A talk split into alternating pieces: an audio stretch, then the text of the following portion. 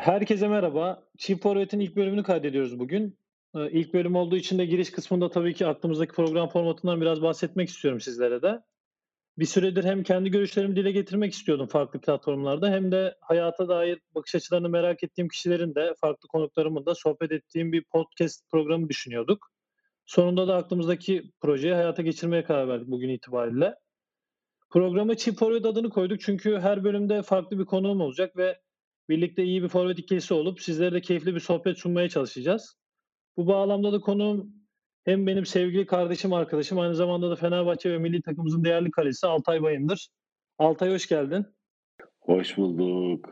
Teşekkür ediyorum. N- nasılsın?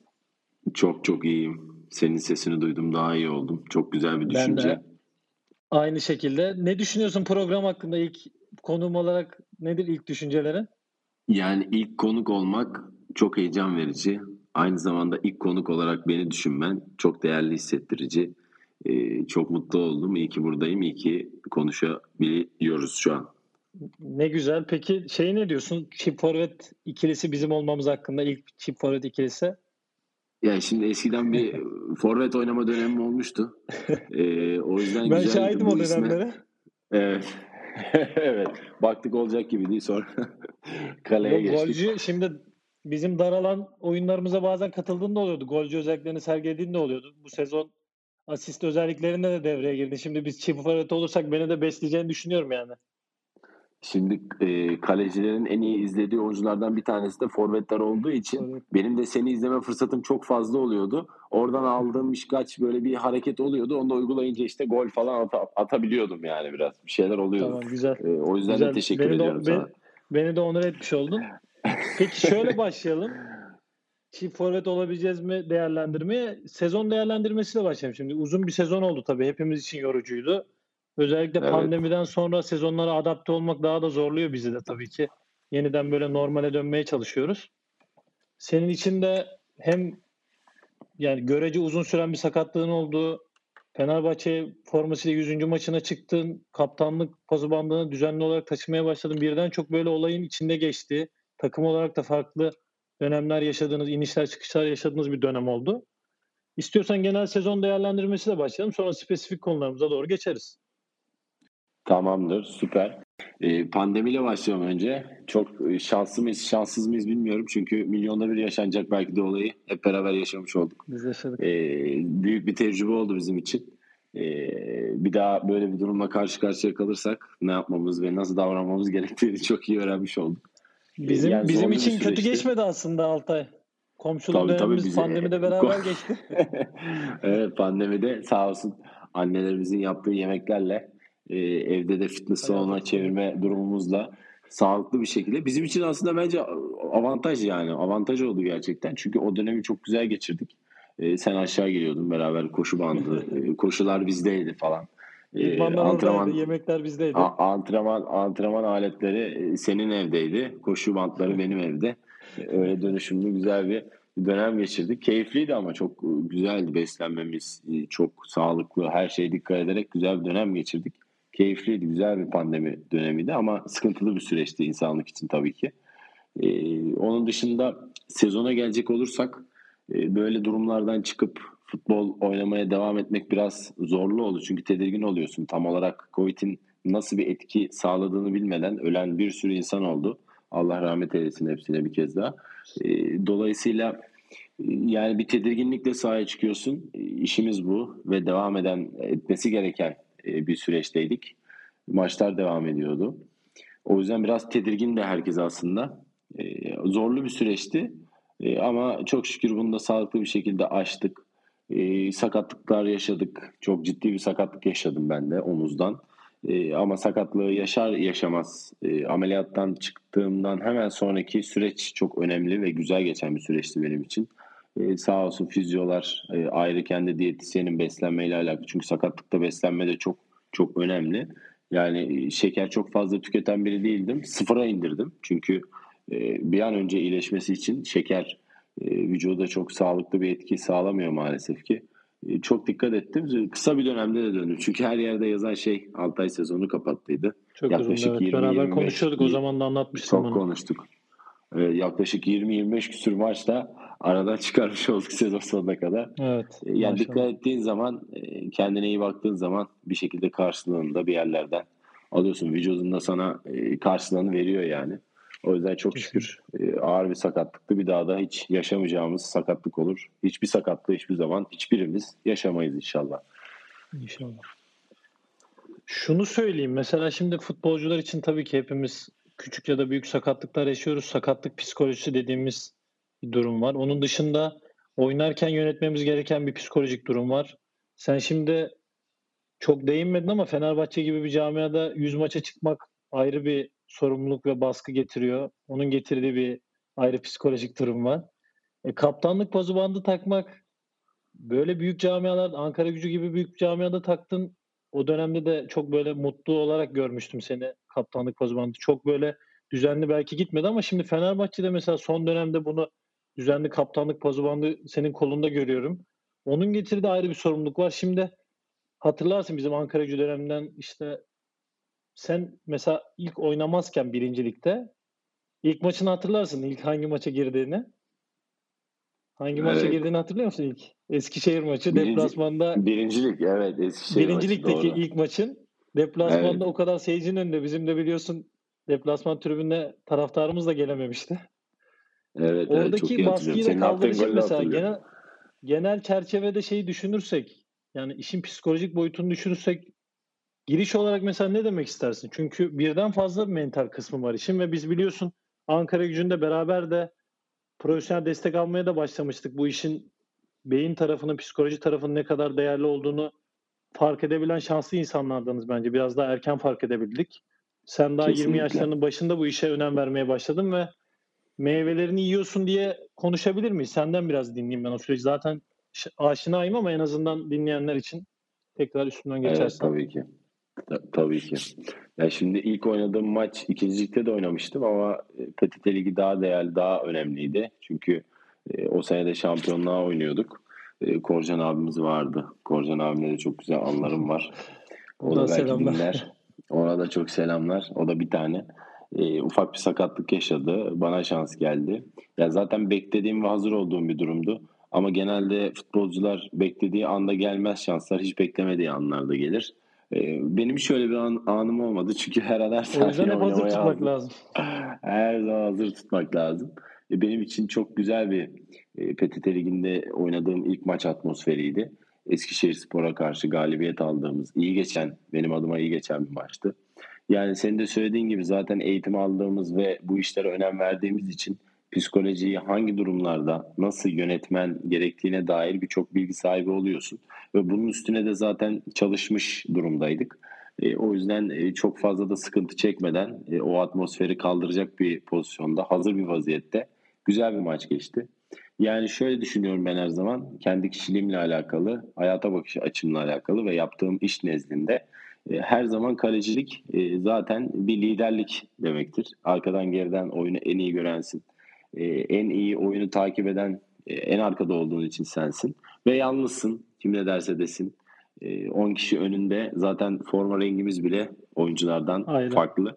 E, o yüzden orada bile bir mesaj var. E, yani e, gerçekten de e, sorumluluk her zaman var. E, çünkü e, ciddi bir mevkidesin. Seni geçtikten sonra olan şey gol oluyor.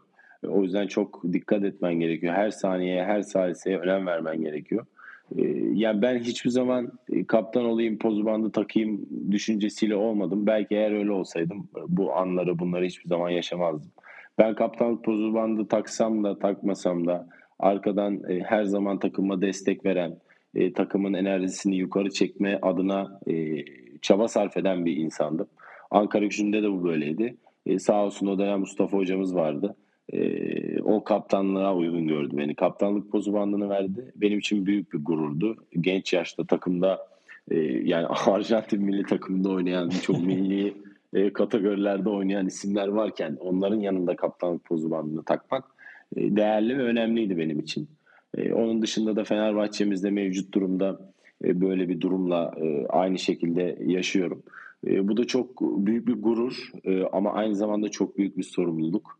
E, sorumlulukların bilincinde hareket etmek gerekiyor. ama e, o dönemki düşüncelerim de şu anki düşüncelerim de aynı. Yani şu anda e, bundan sonraki süreçte o pozu bandı bende olmasa bile ben her zaman kendimi e, bir kaptanmışçasına e, takıma enerjimi pozitif anlamda vermeye devam edeceğim. Ama dediğim gibi bunları yaşamak herkese nasip olmaz. E, o yüzden bu yaşadığımız şeyin de değerini bilmek lazım. Hem sağ içi, sağ içi olduğu kadar daha da önemlisi sağ dışı. E, davranışlarını, e, oturma kalkmanı, düzenini, çalışma ve iş disiplinini e, iyi organize edip bunun üstünde her zaman devamlılık göstermen lazım. E, ben de bunu yapmaya çalışıyorum. Ama dediğim gibi çok büyük bir gurur, onur bu yaşadığım duygular. E, inşallah bu duyguların her zaman daha üstüne koyarak, çok daha fazla çalışarak e, çok daha iyilerini yaşamak nasip olur.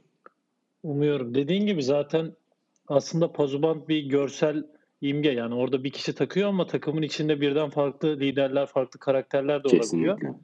Kesinlikle. Dediğin gibi de yani ilk Eskişehir maçı neden örnek verdim? Mesela genç bir oyuncu olarak biz takımdaki herkes belki senin potansiyelini biliyorduk ama Eskişehir gibi bir deplasmanda sonuçta Ankara gücü ve Eskişehir'in arasındaki o ezeli rekabet durumunu da herkes biliyor. Öyle bir atmosferde çıkıp da orada böyle seyircilerin önünde oynamak kolay olmuyor. Senin böyle arada sana takıldığım dalga geçtiğim böyle bir ilginç bir soğukkanlılığın da var. Çok eskiden beri gelen. O soğukkanlılık belki de dediğin gibi kalecilikte özellikle çok daha fark yaratan bir durum. Çünkü dediğin gibi çok daha yalnızlık hisseden, arkadan bütün göz olarak gören ama farklı düşüncelere de dalabilen bir yandan da hep oyunun içinde olman gerekiyor. Çünkü anlık pozisyonlarda saliselik işlerle fark yaratabiliyorsun. O yüzden de işin psikoloji boyutu, hazır olma boyutu dediğin gibi bazı futbolcular bekliyor, bekliyor işte fırsat bana gelmedi diye vazgeçebiliyor. Bazıları da hiç vazgeçmiyor. Sonunda geldiği zaman değerlendirilebiliyor. Ne güzel ki sen ikincilerden oldun ya. Gelişim sürecinde bildiğim için çok daha mutluyum tabii ki sürecin böyle ilerlediği için. Tekrar tebrik ediyorum bu süreç adına da farkındalığın adına da seni. Teşekkür Buradan ediyorum. liderlik demişken ikinci bir noktaya da değinebiliriz aslında. Futbolcuların insani boyutu, onların da birer insan olduğu tamam büyük camiaları temsil ederken ama bir yandan da futbolcu gibi bir sınırlama içinde değil de insan gibi değerlendirilmesi gerektiğine dair şimdi belki de duymuşsundur. Nice-Nantes maçı vardı Fransa Kupası finalinde ve Nice maçı kaybetti Nantes'a. Nice taraftarları Nantes'ın eski bir forveti vardı. Emiliano Sala uçak kazasında vefat etmişti transfer olduğu zaman. Evet. Biliyorsun mevzuyu. Nice Evet, taraftarları da e, ölmüş Sala aleyhine işte kaybettikten sonra Nantes'ın eski oyuncusu olduğu için hatta ben tezahüratı direkt söyleyeyim yanlış bir şey söyleyeyim. Arjantinli yüzme bilmiyor. Emiliano sular altında diye böyle bir tezahürat yapmışlar. Yani Evet. Salah'yla biraz dalga geçer gibi ve kendilerince işte Nantes taraftarına sataşıyorlar ama bunun üstüne de Nice hocası gelip bana göre çok doğru bir liderlik örneği sergileyip kendi taraftarları olmasına rağmen son derece eleştirel ve bu insanların futbolda ya da toplum içinde olmamasına dair çok güzel öğütler de verdi. İçinden çok fazla çıkarılacak şey var. Hatta içinde şöyle bir şey diyor. Bize taraftarlar ülkenin toplumun aynasıdır derler. Eğer biz buysak yani bizim aynı olduğumuz şekilde bu taraftarlarsa biz bitmişiz yani çok daha kötü bir durumdayız. Daha biraz daha argo terimler kullanıyor ama burada geçirmeyeyim diye söylemedim. Onlar Evet, olmadan da biliyorum. kazanabiliriz diyor. Böyle insanlara işte ne bileyim şişe atmaya geleceklerse, ölmüş insanlara küfür edeceklerse öyle insanlara ihtiyacımız yok diyor. Mesela bizim ülke atmosferinde de çok fazla sonuçta çok fazla ezeli rakiple oynuyorsun ya da farklı tribünlere gidiyorsun. Kendi takımının arasının kötü olduğu zamanlar başka tribünlerle oluyor. Fenerbahçe'de, Ankara gücünde ya da geçmiş başka dönemlerde her takımın böyle durumları oluyor. Bunun neticesinde de farklı tepkiler alabiliyoruz. Yani bu yönetim adına mesela işte Nice yönetimi açıklama yaptı.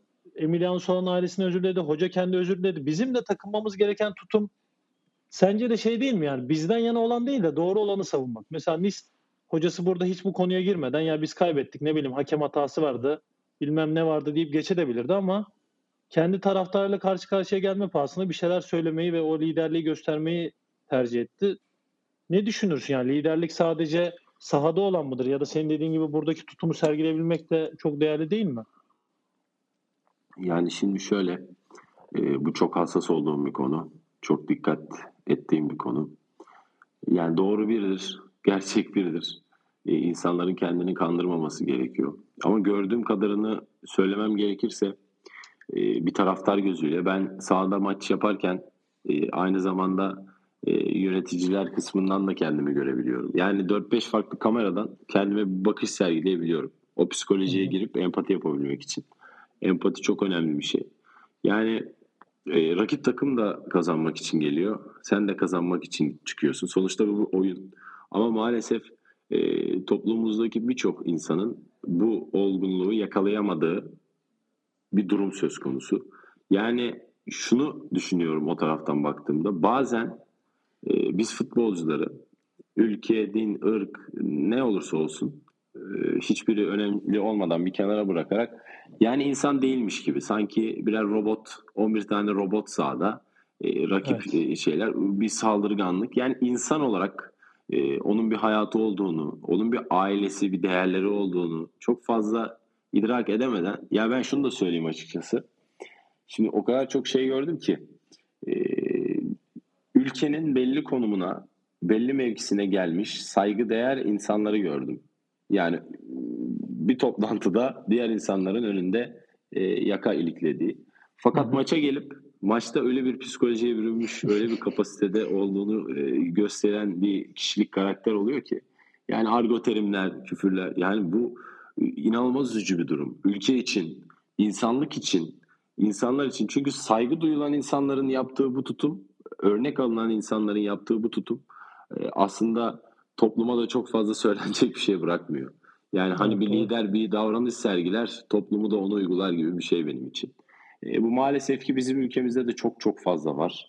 E, bu anlattığın olayı da biliyorum. Fakat e, yani o, o olaya gelene kadar ülkede de verebileceğimiz birçok e, Birçok örnek var. binden fazla belki de örnek var. Yani mesela Senin benim de derbiler, çok fazla bunların- yaşadığımız var ya çok yakın olduğu için e, bu örnekten Kesinlikle, gitmek evet. istedim.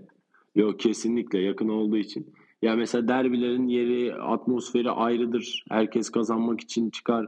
Ee, Fenerbahçeli, Fenerbahçelilik ruhu vardır çıktığın zaman bayram. Ama şimdi şu, şuna da çevirebiliriz bunu. Keyif almak, eğlenmek, Evet. mutlu olmak. Tabii ki de kaybettiğinde üzülüyorsun. En çok üzülen futbolcular zaten. Ama hepimiz kazanmak için çıkıyoruz. Hatalar oluyor vesaire. Yani biraz saygı duymak gerekiyor. Mesela benim e, yani en mutlu olarak oynadığım maç e, yani birçok kazandığımız ve içeride oynadığımız maçlarda hepsinde mutlu ayrıldım. Taraftarlarımızın desteği çok güzeldi. Ama gerçek anlamda futbol müsabakası izlemeye gelmiş. Almanya'da maçı, maç oynamıştık. Ee, şeyle Almanya'da Allianz? Arena'yla Ba- Ba- Bayern, Bayern- Münih'le oynadık ve maç. Real Madrid'le Real Madrid'le oynadığımız maç. Yani tribünlere bakıyorum. Evet bu bir lig maçı değildi. Ee, bu bir lig maçı değildi ama önemli bir Audi Cup turnuvaydı. Ee, değerli kulüpler vardı. Bayern Münih, Tottenham, e, Real Madrid, e, biz gibi. Yani orada Real Madrid maçında saha içinde bir gözüm kaydı tribünlere. E, şöyle bir görüntü gördüm. Yani içeceklerini almış aile maça gelmişler. E, yiyeceklerini almışlar. Spor seyretmeye, eğlence, eğlenmeye gelmişler. Eğlence. Ve şöyle yani rakip takım olumlu bir hareket yapıyor. Güzel bir ya da ben güzel bir kurtarış yapıyorum. Rakip takım taraftarları alkışlıyor. Bu çok Alkışlıyor. değerli bir şey. Yani rakip takım seni alkışlıyor. Ee, diğer e, yönden baktığın zaman mesela bizim ülkemizde e, rakip olduğun bir taraftarın seni alkışlama şansı yok ve herkes senin hata yapmanı bekliyor. Hani böyle herkes pusuda yani ufak bir hata yapsın da hemen saldırayım ona, hemen psikolojisini bozmaya çalışayım vesaire. Öyle bir durum söz konusu. Üzül, üzücü bir durum. Ee, üzücü bir durum. Yani şunun için de üzücü. Ee, bizler e, şükür ki bir şeyleri gördük. İnsanların kafasına, psikolojisine e, değerli, değersiz kimleri nereye koymamız gerektiğini bilerek geldik. Ama genç bir topluluk var şu anda yetişen, e, bir şeyler yapmaya çalışan, başarmaya çalışan. Bizim de daha yapacağımız çok şey var. O da ayrı konu. Ama bu psikolojiyi kaldıramamak e, yani istediğin kadar yetenekli ol, yeteneklerini sahaya dökememektir benim için. O yüzden Kesinlikle. e, futbolun bu psikoloji kısmı çok çok çok önemlidir. Kötü geçen ya da iyi geçen bir maçın ardından bütün televizyonlar seni konuşuyor. Herkes senin hakkında fikirlerini söylüyor. Yani en basiti kötü geçen bir maç vereyim. Herkes olumsuz konuşuyor. Herkes. Yapamaz, edemez, olamaz, gidemez vesaire. Herkes e, üstüne basmaya çalışıyor. Orada dik durmak gerekiyor. Orada moralini bozmaman gerekiyor. Çünkü o insanlar sadece koltuktan oturduğu yerden e, seninle ilgili fikirlerini söylüyor. Belki de e, ben her zaman bu düşüncedeyim. E, yani bu olumsuz yorumları yapan insanlar Yani bu düşüncede olduğum için artık hiç sıfır gale alıyorum. Sıfır. E, bakmıyorum bile. E, belki de sahaya inip sahada 3-5 adım atıp o fileye dokunup ya da orta sahada bir yürüyüş yapmamış insanlar. E, zaten bilinçli insanın konuşması da ayrı bir düzeyde ve seviyede oluyor. Sahaya çıkmış. Yani saygı çok önemli. Her şeyin başı saygı. İnşallah ilerleyen zamanlar daha kötüye giden zamanlar değil, eskiden daha iyiye giden, daha mutlu olabileceğimiz bir e, topluluk zamanları olur. Evet. E, benim de tek temennim bu yani. Ya biraz kaygı duyulacak kısım işte sosyal medyanın, işte Twitter'ın, Instagram'ın işte gözündeki insanların biraz daha ulaşılabilir olmasının getirdiği belki bir sıkıntı. Herhangi bir olumsuz durumu çok daha büyük bir yangına çevirme, çok olumlu durumda bir anda büyük bir pohpohlama durumuna gelme konusu tabii ki yönetilmesi gereken bir psikolojide devamında getiriyor. O yüzden de dediğin gibi psikolojik farkındalık çok önemli. İşte birçok örneği var. Şimdi Manchester United mesela Rangnick geldi. Gelir gelmez ilk olarak bir spor psikoloğu takıma getirdi. Yani işin ucunda hatta onunla ilgili de bir not almıştım. Onu da yeri gelmişken direkt kendi ağzından söyleyeyim ki eksik bir şey olmasın. Kendisi şöyle demiş spor psikoloğunu takıma kattıktan sonra Sasha Lens ismi de Aralık 2021'de getirmiş onu. Ne zaman futbol hakkında konuşsak en önemli parçanın beyin olduğunu söyleriz. Bu yüzden kulüplerin spor psikoloğu bulundurması şart. Mevkiler ve beden için özel antrenör varsa beyin için de lazım. Futbolculara beynin vücuda nasıl yardım edeceğini öğretmeliyiz gibi çok daha öğretici ve güzel bir bakış açısıyla koca Manchester United gibi kulüp şu anki içinde bulunduğu sıkıntılı durum da ortada ve ayağa kaldırabilmek için işin ilk önce beyinden geçtiğini söylemiş ve çok önemli birçok Alman teknik adamın altyapısını aldı. Reining'den gelen bu söylem de aslında farkındalığı ve psikolojiyi çok daha doğru yansıtıyor. O yüzden de işte senin dediğin gibi profesyonel desteği çok erken fark edebilmek, arkadan gelen genç bir nesil var, çok potansiyelli arkadaşlarımız var, senin takımında var, diğer önemli camialarda var, bizim takımımızda var. O gençlerin bu işi yönetebilmesi için özellikle bu süreci çok daha hazır olarak gelmeleri lazım. Çünkü gerçekten kolay değil. Ne kadar şey desek de işte Bodo Glimt mesela Norveç'in iki yıldır şampiyonu olan takım. Onlarda da aynı şekilde bir spor psikoloğu var ve onların söylediği diğer insanların utanarak şey söylediği şeyleri biz antrenörümüzle konuşabiliyoruz. Bu konuda mental antrenörümüzle ve o bize bir insan olarak yaklaşıyor. Yani bizim futbolcu figürü adı altında çok fazla anlam yüklediğimiz insanların aslında birer insan olduğunu, sosyal yaşamlarının olduğunu fark edebilmek başarıya götüren bir faktör. O yüzden de işin psikoloji kısmı bence çok daha önem arz edecek özellikle sosyal medyanın bu noktaya gelmesiyle beraber. O yüzden de dediklerine birebir katılıyorum. Enteresan bir psikolojiyle ilgili bir şey daha vardı örnek aklımda. Ee, onu da not almıştım. Palmeiras Chelsea maçı vardı yakın zamanda bu Dünya Kulüpler Şampiyonası'nda. Evet. Bir kaleci evet. gözüyle senden bunu değerlendirmeyi isteyeceğim. Uzatmalarda penaltı oluyor. Penaltıda Aspilicueta topu alıyor Aspilicueta. Topu alıyor. İşte oyuncular bunun dikkatini dağıtmak için Palmeiras'la başına birikiyor işte. Aspi'yi böyle kafasını karıştırmak için.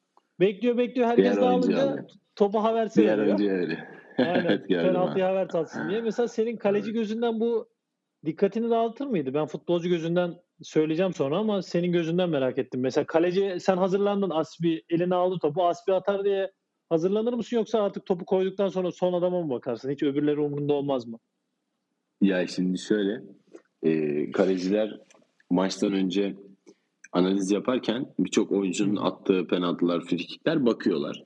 E, ve bir kaleci gözünden yani penaltıyı atan oyuncu o topu bırakan oyuncuysa genelde bütün penaltıları atan ve ben onu daha çok analiz ederken daha çok üstüne durduysam yani dersimi onun üzerinden çalışmışım ama farklı bir konudan geldiği gibi bir olay. Ee, Ee, bir dikkat dikkat Ama- dağınıklığı olur o zaman. Ya dikkat dağınıklığı kesinlikle olur ama penaltıda bir kaleci için o saliye, sa- saliselik olaylar yani oyuncunun bakışı, enerjisi e, ya o bir şeyler hissediliyor. Küçük bir açısı nereye bile senin için değiştirir aynen. Aynen. Şimdi mesela son maç üzerinden örnek vereyim. E, isim vermeden rakip oyuncu bütün penaltılarını sola vurmuş. Bizim maçta sağa vurdu. Ben de Sağ sordum niye bütün penaltıları sola vurmuşsun, niye sağa vuruyorsun diye. Ben biliyorum dedi senin e, şey yaptığını. Ya benim de e, bildiğini biliyorum. Farklı bir konsept vardı Aslında o da bir mental uygulama. savaş. Tabii ya inanılmaz, inanılmaz bir mental savaş kesinlikle. Ama e, yani şunu da söyleyeyim çok kısa bu fikir ve yorum kesinlikle senden ama oyuncu olsaydım e, inanılmaz şey yapardım yani. Kafa e, karışırdı yani. Ya şöyle Yani ben düşünüyorum ben de. Şimdi Baskı ben altında penaltı olan atacağım. oyuncu. Ben penaltıyı atacağım. Evet. Adam böyle bir plan yaptılarsa eğer çok daha şey yani orada ne bileyim ben atmayacağım. Sen sen topu eline aldın. Benim atacağımı biliyoruz ama sen aldın orada milletin şeyini toplamak için. Orada Evet. seni şey yaptılar, karıştırırlar, baskı kurdular falan. Ben kafamda kuruyorum işte şuraya mı atsam falan.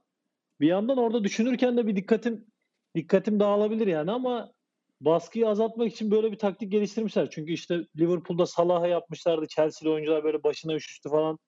Başka maçlarda yaptılar böyle penaltıyı kaçırdığı anlar da oldu oyuncunun. Kendi kendine böyle dünya buraya doğru gidiyor mesela. Oradaki psikolojiyi yönetmek için oyuncunun üstünden baskıyı almak için başka biri atacak gibi. Oradaki baskıyı ilk baskıyı o Evet. göğüslüyor. Sonra penaltı atacak adam herkes dağılınca penaltı noktasına koymak için geliyor. Enteresan bir bakış yani.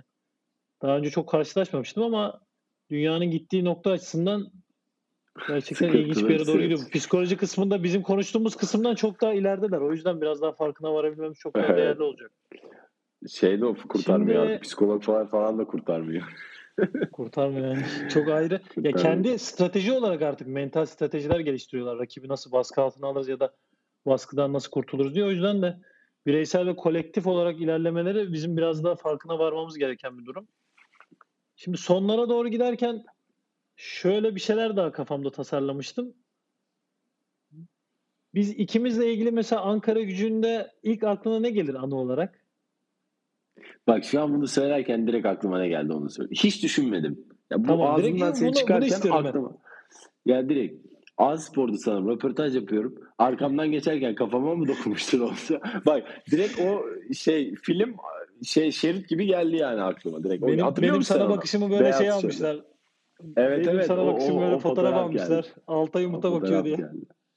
Bir de şey maçı şimdi hemen o da geldi onu da söyleyeyim. Senin gol attığın e, yanlış hatırlamıyorsam e, Balıkesir. Balıkesir Ha, deplasmanıydı Balıkesir evet. maçı. Balıkesir deplasmanı sen hatırlarsın Gol fotoğraflarımız da var. Hani sen bana atlarken e, Aynen. gol sevinci. O da çok güzel bir anıydı ama bir sürü anımız var yani. Bir sene Çok beraber fazla. aynı mesela benim de kaldık. ilk burada işte podcast'i çekerken düşünüyordum Altay'la ilgili mesela ilk aklıma ne gelir diye. Bir Altay'ın şöyle bir özelliği var. Biraz da biz oda arkadaşıydık beraber. Biraz bakımı sever Altay.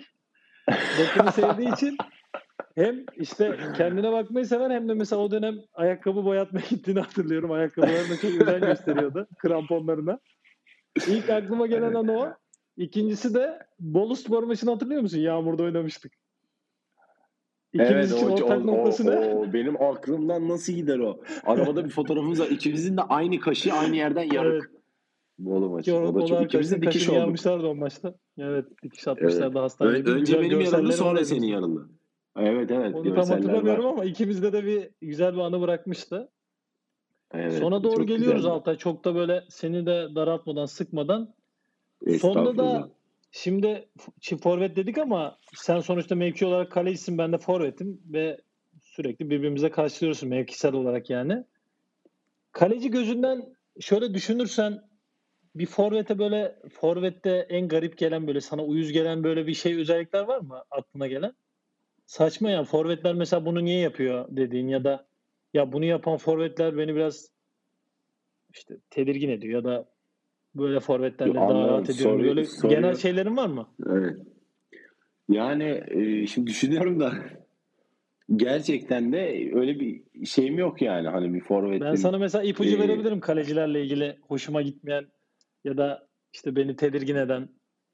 Mesela kalecilerde biz ikimiz mes- yan topa çıkıyoruz. Genelde ceza sahasında böyle itiş kakışta kaleciyle çıkarsın ya. Kalecilerin de böyle kalıplaşmış ceza sahasında dokunamazsın kaleciye gibi bir şeyler var. Ve kaleciyle yan topa çıktığın zaman koşup sana çarpsa bile hele Evet, öndeyse böyle o- atar kendini yerlerde bir kıvranır. Aslında Evet. üst cüssü olarak en güçlüler sizsiniz. Yani bana çarpmayla sana bir şey olmaz ama Kesinlikle. Bir kıvranma bir zaman geçirmek için profesyonellik adı altında bir şeyler oluyor. Onlara uyuz oluyorum. Evet Sonra- o doğru. Topu tutup mesela normal kucağına aldın topu böyle bir yere atlama oluyor. Hiç- Hiçbir alakası yok yani kurtarış değil. Topu havadan gel tutmuşsun yere atlama. Onu yapan kalecilere böyle bir içimden bir şeyler geçiriyorum ama tedirgin olarak da böyle yan topa yine yan topa mesela sen de öylesin. Çıkarken böyle hani dizini falan biraz kaldırarak geliyorsun ya öyle kalecilerden biraz kaçmaya özen gösteriyorum. Mesela tedirgin eden kaleci dersem de herhalde onu söylerim. Evet benim de şimdi bu örnekleri verirken aklıma geldi.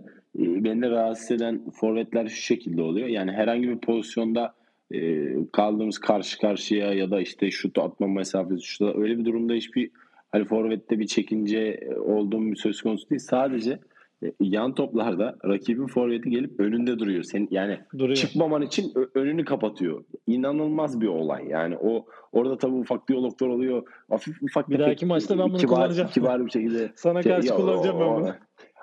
Kullan, kullan. Ee, sen zaten yok sen ama senin şöyle bir huyun var. Sen kıyamıyorsun. Bak kaç kere biz rakip Sana- olduk. Ee, Daha çok golüm yok. pozisyon da yaşadık böyle birebir. Daha gol daha gol atmadın ama içten o iyi niyetten. Yoksa senin teknik Ya kapasiten şimdi bir abin olarak seni üzmek e, istemem ben. herkes Yoksa biliyor. sen sevin abi kardeşim.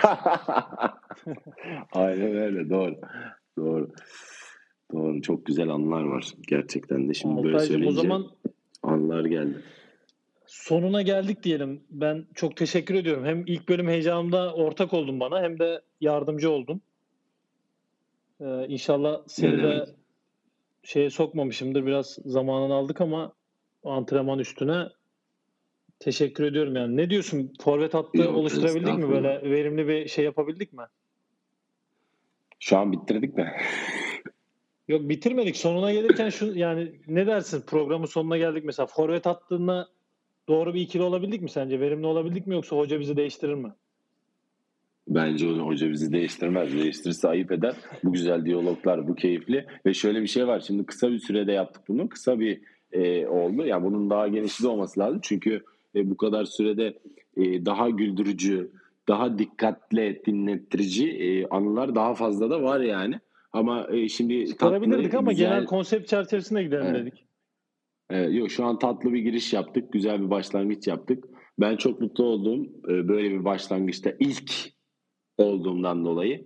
Ee, Çok güzel düşünülmüş bir şey. Ee, Böyle bir projede, böyle bir e, durumda e, var olmak benim için çok güzel. Özellikle de senle beraber böyle bir durumun içinde olmak çok güzel.